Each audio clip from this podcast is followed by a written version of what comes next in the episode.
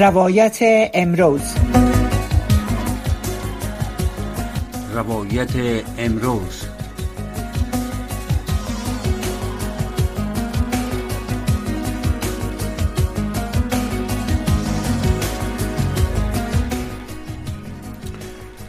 سلام شنوندگان عزیز. عبدالواجد عادل شما را به برنامه روایت امروز خیر مقدم می‌گوید. ما در برنامه امشب روی وضع اقتصادی افغانستان و کاروبار و آینده در کشور با مهمان گرامی خود جناب نصیر رحیم کارشناس امور اقتصادی و فرهنگی صحبت داریم. می‌بینیم که ایشان در روی خط هستند جناب رحیم صدای ما میشنوین؟ بله بله من میشنم خب به برنامه خوش آمدین جناب رحیم تشکر سپاس شما. خب جناب رحیم صاحب اخیرا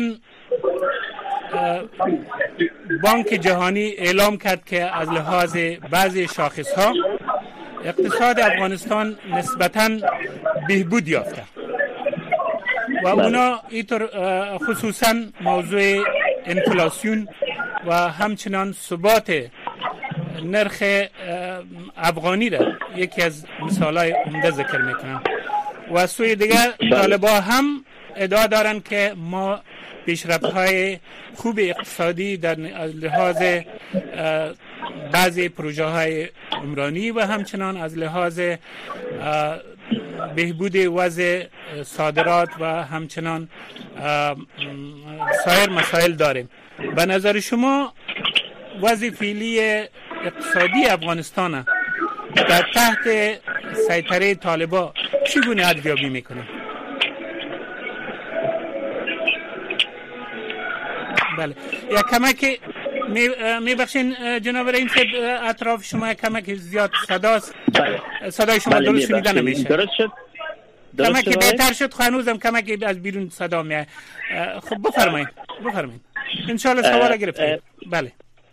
خب بسیار زیاد تشکر از شما. من یک کمی اگه وقت بدین که من یک گوشه تر برم که اینجا صدا زیاد است. فقط یک دو دقیقه. خب. که صدا مزاحمت می‌کنه خب تا تایی که البته طوری که پیشتر گفتیم ما در برنامه امشب خود روی اقتصاد افغانستان و همچنان کاروبار در افغانستان با جناب نصر رحیم کارشناس امور اقتصادی و فرهنگی صحبت می‌کنیم و می‌بینیم که آیا در طول یک دو سالی که طالبا در افغانستان حاکم بودن وضع اقتصادی افغانستان چگونه تغییر یافته است؟ این تغییر آیا می‌تونه که همچنان به شکل دوامدار همچنان ادامه پیدا کنه و یا ای که با بعضی مشکلات مواجه خواهد شد؟ چنانچه طالبان در این اواخر گفتند که البته چون وضع اقتصاد وضع امنیتی در کشور بهبود یافته تمام توجهشان به بهبود اقتصاد افغانستان است. صدای ما میشنوین جناب صاحب بله بله خب بسیار خوب. بله بیشتر گفتیم که بعضی مقدمتا مقدمتا گفتیم که بله. ادعاهای در قسمت بهبود اقتصاد افغانستان شده و همچنان بانک جهانی بعضی شاخص های افغانستان در حالت بهبود دانسته. به نظر شما وضع فعلی اقتصاد افغانستان چگونه است؟ خب یکی از مسئله که شما اشاره کردین به مسئله که راپوری که بانک جهانی گفتن که وضع بهتر شده. خب معمولا بانک جهانی مسائل مقایسه می‌کنه از یک بله. سال گذشته یا یک چند ماه گذشته با حساب هزو مقایسه باز او نتیجه گیری می‌کنه که در چه حد از آیا پیشرفت رفته یا عقب رفته بله. خب بدون شک به خاطر از اینکه از زمانی که طالبا به قدرت رسیدن جامعه به یک بی‌ثباتی به نهایت شدید روبرو بود ترس و وحشت و بیبندباری و فرار و بله. همه چیز بود. بنابراین اقتصاد افغانستان کاملا سقوط کرده بود. بله. و ای که در مدت دو سال طالبان تانستن حاکمیت خود حفظ کنن بدون شک حداقل ثبات در جامعه دوباره با حالت تا حد بهتر شد. و این خودش تا حد در اقتصاد هم تاثیر خود داره همایی که اقتصاد افغانستان در کل در مجموع پیشرفت کرده خب شما می‌تونین که اقتصاد یک کشور یک رکن اساسی جامعه هست و اقتصاد بیشتر متکی به ثبات جامعه هست بیشتر به یک سیاست اقتصادی نیازمند داره و سیاست و اقتصاد رفت مستقیم با هم دارن در یک جامعه که ثبات سیاسی نباشه بله. برای مدت طولانی اقتصاد هم چندان دورنمای خوب نمی‌تونه داشته باشه. بله. خب یکی از مسائل که بانک جهانی گفته که پول افغانستان ثبات پیدا کرده و صادرات افغانستان نسبت به گذشته بیشتر شده و همچنان طوری که دیده میشه انفلاسیون در کشور تا اندازه مهار شده. و قیمت های اجناس خصوصا اجناس ابتدایی در افغانستان که بسیار اکثریت فقیر و نادار افغانستان به او محتاج هستند مسئله قیمت, های قیمت نرخ مواد غذایی و بعضی چیزهای دیگه است که در افغانستان ثابت مانده به نظر شما بله. آیا طالبا در آینده خواهد تانستند که اقتصاد افغانستان همچنان در محور از فعالیت ها و کوشش های خود قرار بدن. چنانچه ای اداره می‌کنن که که افغانستان رو به وضع سیاسی یا ثبات سیاسی تا اندازه در به افغانستان بازگشته. ما تمام توجه خود روی اقتصاد افغانستان می‌کنیم. چنانچه میگن بله. که بعضی از ارقام می‌تونه نشان میده که در حدود 80 تا 90 درصد او کارخانجاتی که قبلا در زمان سکوت جمهوریت از فعالیت باز مانده بودن او کارخانه ها دوباره به فعالیت آغاز کرده حجم صادرات بلند رفته. شما تا کدام اندازه با این موافق هستید؟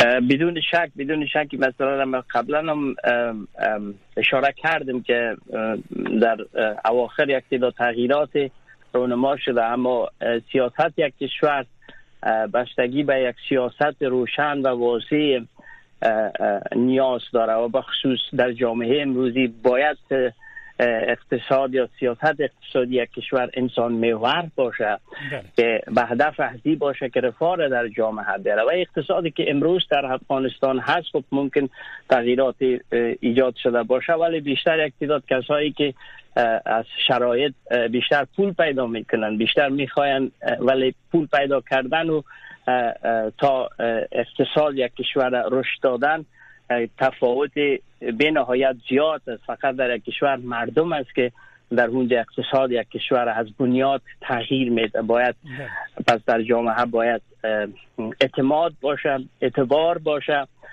و تعدید نباشه و دومی که برای پیشرفت اقتصاد یک کشور نیروی انسانی یکی از مسئله حساسی است که در در افغانستان خوشبختانه داریم. در پالوی از او دانش کافی باید باشه. بله. که بتانه از او نیروی انسانی استفاده کنه که متاسفانه و شما هر روز می‌بینیم که کادرهایی که در طول 20 سال حداقل رشد کردن کشور ترک می‌کنن میرن بیرون. بله. بنابراین با چند تا فابریک فکر نکنم ممکن طالبا را بتانه یک چند سال عمرشان دراز کنه ولی ایک اقتصاد کشور بره به طرف پیشرفت جامعه به طرف به طرف رفاه. بر یک سیاست اقتصادی انسان میور و یک بله. سیاستی که تعادل باشه در تمام عرصه در تمام عرصه فرهنگی سیاسی اقتصادی شما می‌بینه که از یک طرف نیروهای انسانی در جامعه طالبا هست می‌کنن نصف جامعه را زنها را کلی نادیده گرفتن و این خودش در تعارض است این خودش در بلند مدت بی‌ثباتی را در جامعه همیه بله یک وقتی از یکی از مؤسسات مالی بین‌المللی ادعا کرده بود که وقتی زنان در افغانستان از فعالیت اقتصادی باز مانند کشور در حدود تا 9 میلیارد دلار از از این بابت خسارمند میشه. برای که از تمام استعدادهای فوقلادی که زنان افغانستان دارند و خصوصا در سالهای اخیری که زنان افغانستان تانسته بودند که در همه عرصه های زندگی و خصوص اقتصادی هم پیشرفت کافی داشته باشند به هزاران از زنان معاش, معاش می گرفتن متخصصین بودند و در همه عرصه ها ظاهر می‌کردن به نظر شما وقتی که اینا از از ساحه کاری و فعالیت های اقتصادی امور فرهنگی امور تعلیمی دور میمانند چقدر ضربه اقتصادی برای افغانستان عاید میشه؟ بدون شک شما فکر کنید که یک کادر که در یک کشور تربیه میشه چه مدت زمانی را می‌گیره و چقدر سرمایه گذاری روی هجو میشه. بله. و متاسفانه ما شما می‌بینیم که از یک طرف زنها که بخش بزرگ نصف از جامعه است که نیروی بسیار وسیع بود که تربیه شده بود اونا کنار گذاشته شدن. از طرف دیگه یک نیروی جوانی که اونام کدرهای بسیار برازنده بودن از کشور بیرون رفتن. خب نه تنها از نظر کمبود دانش انسانی اونجا و دومی که به اعتمادی و به اعتباری را در جامعه بدبینی را در جامعه اختیار می‌کنه شما فکر کنید تمام او کسایی که امروز کنار داده شده شاید در کوتاه مدت طالبا اونا را اس نکنن نبودشان ولی در بلند مدت هر بدبینی که در یک جامعه ایجاد میشه مثل عزیز که یک آهنه که موریانه می‌خوره هر بدبینی هر فردی که روز به روز افزایش می‌کنه مانند یک موریانه است که یک می‌خوره و زمان می‌رسه که بالاخره او بدون از او که توجه شوی به هم میریزن بله. خب یک مسئله بسیار مهمی که در افغانستان باید روی از او پلان های طویل مدت و کوتاه مدت روی از موجود باشه طرحهای موجود باشه در کشور. مسئله بیکاری طبقه یا قشر تعلیمی یافته افغانستان است. امروز از بله. با وجودی که زنان از تحصیلات عالی فعلا دور هستند باز هم همه ساله تعداد زیادی از جوانان به ساحه ساحه عمل و در ساحه کار فارغ میشن. وقتی که بله. حداقل سالانه در حدود به هزارها جوانا از تحصیلات عالی خود تکمیل می‌کنن و یا تحصیلات متوسط خود تکمیل می‌کنن. اینا آماده عزیزند که در جامعه به اونا کار داده شود. اما نبودن کار تا کدام اندازه روی آینده از جوانا تاثیرات منفی می‌گذاره؟ بدون شک بدون شک خوب تاثیرات منفی خود می‌گذاره به مو خاطر که شما می‌بینین که هر کسی امروز تلاش می‌کنه که در حد اگر بتوان از کشور بره بیرون. این خو متاسفانه بر بلند مدت ضربه بسیار شدید می‌زنه. امکانات زیاد اقتصادی برای کشور است. اگر طالبا بتانن با وجود جنایت که در گذشته کردن اگر سیاست های خود انسانی تر بسازن تا اعتماد در جامعه بیارن شما فکر کنید که چقدر افغان در خارج از کشور وجود هستند که اینا می‌تونن بسیار مفید بر اقتصاد کشور اگر بتونن اینا سفر کنن تنها برگشتشان برای تفریح که در تابستان ها و برای دیدار و فامیلینا بیان می‌تونن یک دنیا پول داخل کشور کنن و همچنان اینا حاضر هستند که سرمایه گذاری کنن دانش خود در خدمت جامعه بگذارن. اما متاسفانه طالبا یک دنده عمل می‌کنن. در می روزها یک, یک دو مسئله که ما به او مواجه شدم که یکی در ننگرهار و یکی هم در شمال افغانستان. از از می جوانایی که از افغانستان بیرون رفته بودن خوشبختانه با یک مقدار پول و یک مقدار عایداتی که اونا داشتن دوباره به افغانستان عودت کردن و اوجه از خود باز البته تشبساتی را برای انداختن که نه تنها خودشان مصروف شدن بلکه به ها و جوانای دیگر هم به کار انداختن. و این یک نوید خوب است که یک تعداد با وجودی که افغانستان به او ضرورت شدید داره ولی وقتی به خارج میرن و در کشورهای خارجی از از یک طرف تحصیلات عالی می‌کنن و از طرف دیگه با یک مقدار پول دوباره به کشور برگشت می‌کنن و تشبسات جدیدی را ایجاد می‌کنن. خب به نظر شما برای زی جوانا در کشور بتانن که یک آینده خود بسازن زندگی خود بسازن زندگی فامیلی را تأمین کنن و بتانن که ازدواج کنن و زندگی نو شروع کنن. برای, برای ایجاد شغل برای زینا شما چی گفتنی دارین که باید در افغانستان چی صورت بگیره؟ خب در افغانستان یک مسئله خود دولت هست که دولت ها می‌تونن در رشد اقتصاد یک کشور کمک کنن با سیاست های روشن و خوب و مطور که شما اشاره کرده او یک نمونه است ولی کسایی که یک اندک بیشمار تعداد کسایی که برمیگرده و اکثرا ناشی از این شده که بر اثر روابطی که اونا در دولت دارن یا روابط فامیلی یا شناختی را که دارن که از اقل امنیتشان اینا تضمین شدن اونا میرن. ولی اونا برگشت اونا بر, بر حساب یک سیاست روشن دورنمای روشن نیست که ثبات سیاسی در اونجا حاکم باشه و مردم برن. از این کارات شما در 20 سال گذشته هم دیدن که اقتداد رفت ولی با هندک تاخیر دوباره همه چیز بیرون رفت. این کار دوباره میشه ولی ثبات سیاسی برای دورنما مهم است بر رشد اقتصاد. ولی خب کاری را که میشه در پالوی از که دولت ها که متاسفانه دولت که به نام طالب در اونجا هست خیلی کار کردن نمی‌تونه ولی کسایی که در بیرون از کشور هستن حداقل می‌تونن با دانشی را که در اینجا دارن اونا را انتقال بتن که جوانا خودشان به یک کارهای دست بزنن کارهای ابتکار حمل کنن. خودشان از اقل زندگی خود پیش ببرن. شما می‌بینید که سیاست هایی که طالب در افغانستان داره بسیار محدود شما در بازارها می‌بینید که به زور فشار و به زدن می‌خواهند رونق بازار را پیش ببرند. نه به حساب یک سیاست به حساب ترس و وحشت که باید بترسن ولی خب یک سیاست اقتصادی روشن هنوز طالبان نداره که بر بنیاد کدام اندیشه بر بنیاد کدام فلسفه با پشتوانه کدام فکر و با کدام ارزش می‌خواین اقتصاد جامعه را شکل بدن؟ روشن نیست واضح نیست. یکی یک چند تا سرمایه‌دار بره بیای او فکر می‌کنیم جایی را نمی‌گیره. مردم است که در یک کشور می‌تونه ثبات چه سیاسی چه اقتصادی اونجا برقرار بسازه. و تا زمانی که اعتماد مردم جلب نشن مشکل است. خب یک مسئله که در این آخر مطرح شده او بلند مسئله عزیز که افغانستان می‌تونه در دراز مدت از لحاظ توریسم یا سیاحت سیاحت مقدار کافی عایدات به دست بیاره. در شرایط فعلی گرچه شده که در سال گذشته تعدادی از سیاحان بینالمللی به افغانستان سرازیر شدند.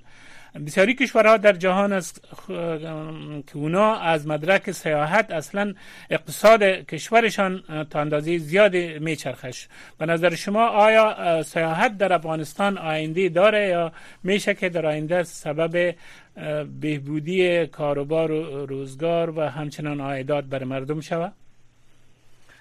بدون شک کشور مثل ترکیه یا سایر کشورها امروز توریسم یک مسئله بسیار بنیادی و سیاست های بسیار کشورها بسیار عایدات زیاد دارن. یکی از کشورها کشور ترکیه است که نه بله. تنها اونجا توریسم میره ولی بسیاری کسا میرن اونجا سرمایه گذاری می‌کنن. در افغانستان خب شما فکر کنید که 35 میلیون نفر هست اونجا از کوچکترین مسائل رفاهی وجود ندارد و نان خود پیدا کردن نمی‌تونن به این مفهوم که امکانات رشد اقتصادی امکانات سرمایه گذاری امکانات ایجاد شغل در اونجا به نهایت زیاد است و اگر ثبات سیاسی در اونجا بیاید خیلی کسا هست که نه تنها خود افغان ها خارجی ها اونجا سرمایه گذاری می‌کنن از او بهره برداری می‌کنن که بدون شک می‌تونه به نفع مردم افغانستان باشه. در پولی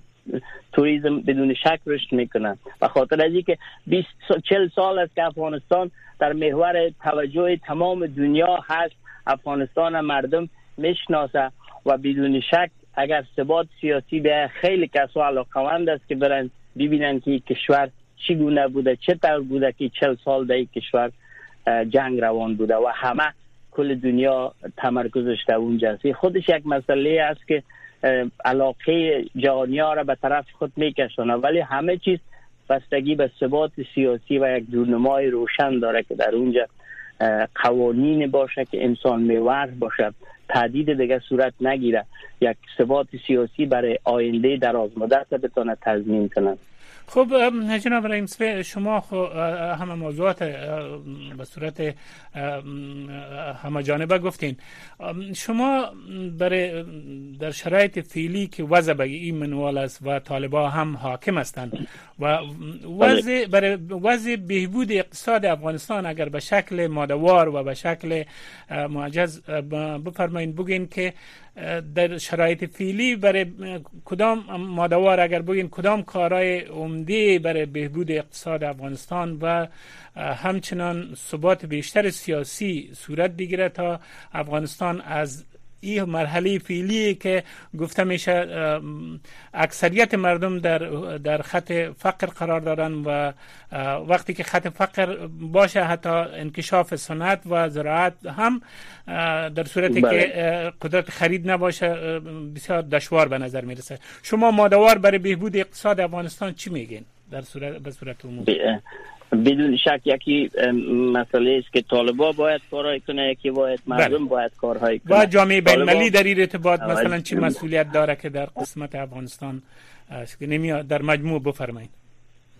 بله خواهش می‌کنم. خب عملکرد جامعه بین المللی هم وابستگی به عملکرد طالبا داره. اگر طالبا سیاست های خود انسانی تر بسازن موانعی که بر سر راه زنها ایجاد کردن اونا بردارن یک اعتماد ولو ناچیز جامعه جهانی را چه به اصطلاح به طرف خود بکشانند به رسمیت شناخته شوند. این یک امکان داره که حداقل به صورت عمومی یک امید در جامعه خلق کنند. و زمانی که در یک جامعه امید خلق شود بدون شک در های مختلف به اصطلاح تاثیر می‌کنه. یکی از کارهایی که می‌تونه باشه به اصطلاح که کسانی که سرمایه دار است میرن در اونجا سرمایه گذاری کنند کسایی که در خارج از کشور هستن اینا می‌تونن از بخش های مختلف به اصطلاح بر اقتصاد کشور مفید واقع شوند. اینا می‌تونن سرمایه های کوچک بزرگ به اصطلاح تشویق کنن ترغیب کنن و سیمی که گفتم امی رفتنشان بر اقتصاد تاثیر می‌کنن چهارمی که می‌تونه کسایی که در خارج از کشور قرار دارن اینا می‌تونن بدور از عملکرد طالبا اینا می‌تونن به شیوه مختلف اونجا کمک کنن مردم که از نظر فکری فکرشان تغییر کنه تا سرپای خود استاد شد منتظر از این نباشن که تا ای که طالبا برشان کنن. یک فکر بسیار غلط که در جامعه ما وجود داره که مردم بسیار وابسته است. از نظر فکری باید غیر وابسته باشن. خودشان مسئولیت زندگی خود بگیرن ولو کوچک باید بر تغییر کار کنن. تغییر ولو کوچک باشه در سطح 35 میلیون اگر هر فرد یک تغییر کوچک در, در زندگی خود ایجاد کنه می‌تونه در صورت کل جامعه به طرف پیشرفت بره و حالی ترین کارش است که کسایی که از مناطق مختلف است در خارج از کشور می‌تونن هر کس در همو ولایت خود در همو منطقه خود بتونه یک تعداد دور هم جمع کنه یک سرمایه برشان به اصطلاح ایجاد کنه تا اونا کارهایی را دست جمعی ایجاد کنه هم بر وحدت کشور خوب است هم می‌تونه اونا را به خاطر اینکه شما می‌بینید که سالانه چقدر پول میره داخل افغانستان ولی او بیشتر کمک های اولیه میشه مردم موش و نان خدا می‌خوره صبح باز کشنه است. از وابستگی باید خلاص شود. یکی از کارهای اساسی هست که هر پولی را که از خارج از کشور مردم در داخل افغانستان کمک می‌کنن تلاش کنن که انسان های افغانستان از وابستگی نجات بدن یک مسئله که شما بسیار خوب فرمودین و او موضوع راستی بسیار اهمیت داره. امی که کسایی که در داخل کشور با دارای سرمایه هستند یا در بیرون از کشور آرزوی از دارن که در افغانستان در آینده بر افغانستان و بر مردمش کمک شوند. به نظر شما اگر اینا در مجموع یک نوع اتحادیه ها یا یک نوع از سازمان های بیرون مرزی افغانستان تاسیس کنند در, در کشورهای مختلف حتی کشورهای مختلف اروپایی امریکا و امریکایی همچنان آسیایی افغانایی که قرار دارند با تشکیل اتحادیه ها و انجمن ها در در قسمت انتقال نه تنها سرمایه و پول به افغانستان کمک ها بر افغانستان. همچنان در انتقال تکنولوژی ها در انتقال علم و دانش بر افغانستان هم می‌تونن سهیم دیگه می‌تونن سهیم باشن. به نظر شما اینا چی کاری را انجام داده می‌تونن تا فارغ از نظرات سیاسی فارغ از مداخله حکومت انجام بدن؟ بدون شک خوب متاسفانه کسایی که از خارج از کشور هم هستن از مو جامعه آمدن اونها هم چندان اقتصاد محور نیستن که اقتصاد محور بله. فکر کنن خب کاری را که باید کنه افغان خارج از کشور باید اولویت ها بله. توجه کنن مثلا ما می‌بینیم که تعداد زیاد خارج از کشور پول جمع می‌کنن روان می‌کنن در یک منطقه که یک مسجد درست شود. خب بله. مسجد هم جز فرهنگ مردم افغانستان است. بله. ولی او پول اگر در جای از او یک مسئله شود که دو سه چهار نفر به اصطلاح غیر وابسته شود بتونن نان خود پیدا کنن. ای به عنوان یک فرهنگ تبدیل میشه و آیسته آیسته می‌تونه دیگرام از اونا. ولی امروز می‌بینه که خب جامعه ما و شما جامعه تقلیدی است. یک کسی که یک کار می‌کنه دیگرها هم همونطور می‌کنن بله بله. امروز تمام کارهایی که در افغانستان میشه ساده ترینش هموز که به اصطلاح پول کمک کنن که برن مردم نان بتن شکمش سیر کنن بله. در حال کمی پول می‌تونن که به شیوه دیگه به بهترین وجهش ایره استفاده کنن برای مردم که مردم از وابستگی خلاص شود ولی فکرش که نباشه خوب مشکل است. یکی از نمونه های وجود ندارم. یکی از نمونه های بسیار بارز و خوبه که در این وقت ما او را می‌بینیم. در افغانستان از در جاغوری است در جاغوری اونا خصوصا هموطنهای افغان که در بیرون از کشورها هستند اونا در قسمت اعمار بندهای کوچک آبگردان در قسمت ایجاد مکاتب در دستگاه تولید برق و ایجاد فارم ها و باغداری و غیره کمک های می‌کنن و اینمی تعداد زیادی را اونجا به ای البته زمینه امرار معاش برشان فراهم می‌کنن که امید است که به نظر که این چیزی که شما گفتین برای مصداق زمو داینده ها هم افغانایی که در بیرون هستند و خصوصا که خانواده هایشان در داخل افغانستان قرار دارن از این بله. استفاده کنند بله. بدون شک یک کار نیک است و امید که شماها میدیا این مسائل مطبوعات بیشتر تبارش بتن. که تا این نمونه شوه بر دیگر کشورهای این شما فکر کنید که هر ولایت کشور ما و شما از امکانات خاصی برخوردار است در هر کشور بله. مطابق آب و هوایش می‌تونن که مردم سرمایه گذاری های کوچک کنه در یک جایی که زمین زراعتی وجود داره فقط با ایجاد بندها می‌تونه مردم موجه سر پای خود استاد شود در جایی که امکانات نیست میشه با ایجاد فرم های مرغداری گوداری می‌تونن بله، بسیار بله. کارهایی کنن که بسیار ساده بله. ساده در او کشور 35 میلیون نفر نان نداره. به این بله، که بله. این چیزا این چیزا اشد ضرورت است. بله تشکر جناب مسید از اشتراک شما در برنامه و برنامه امشب ما در همین جا به پایان می‌رسه. انشالله در آینده این مسئله را هم باز هم دوام میتیم تا نتیجه خوبی از این آیت شد شب شما خوش.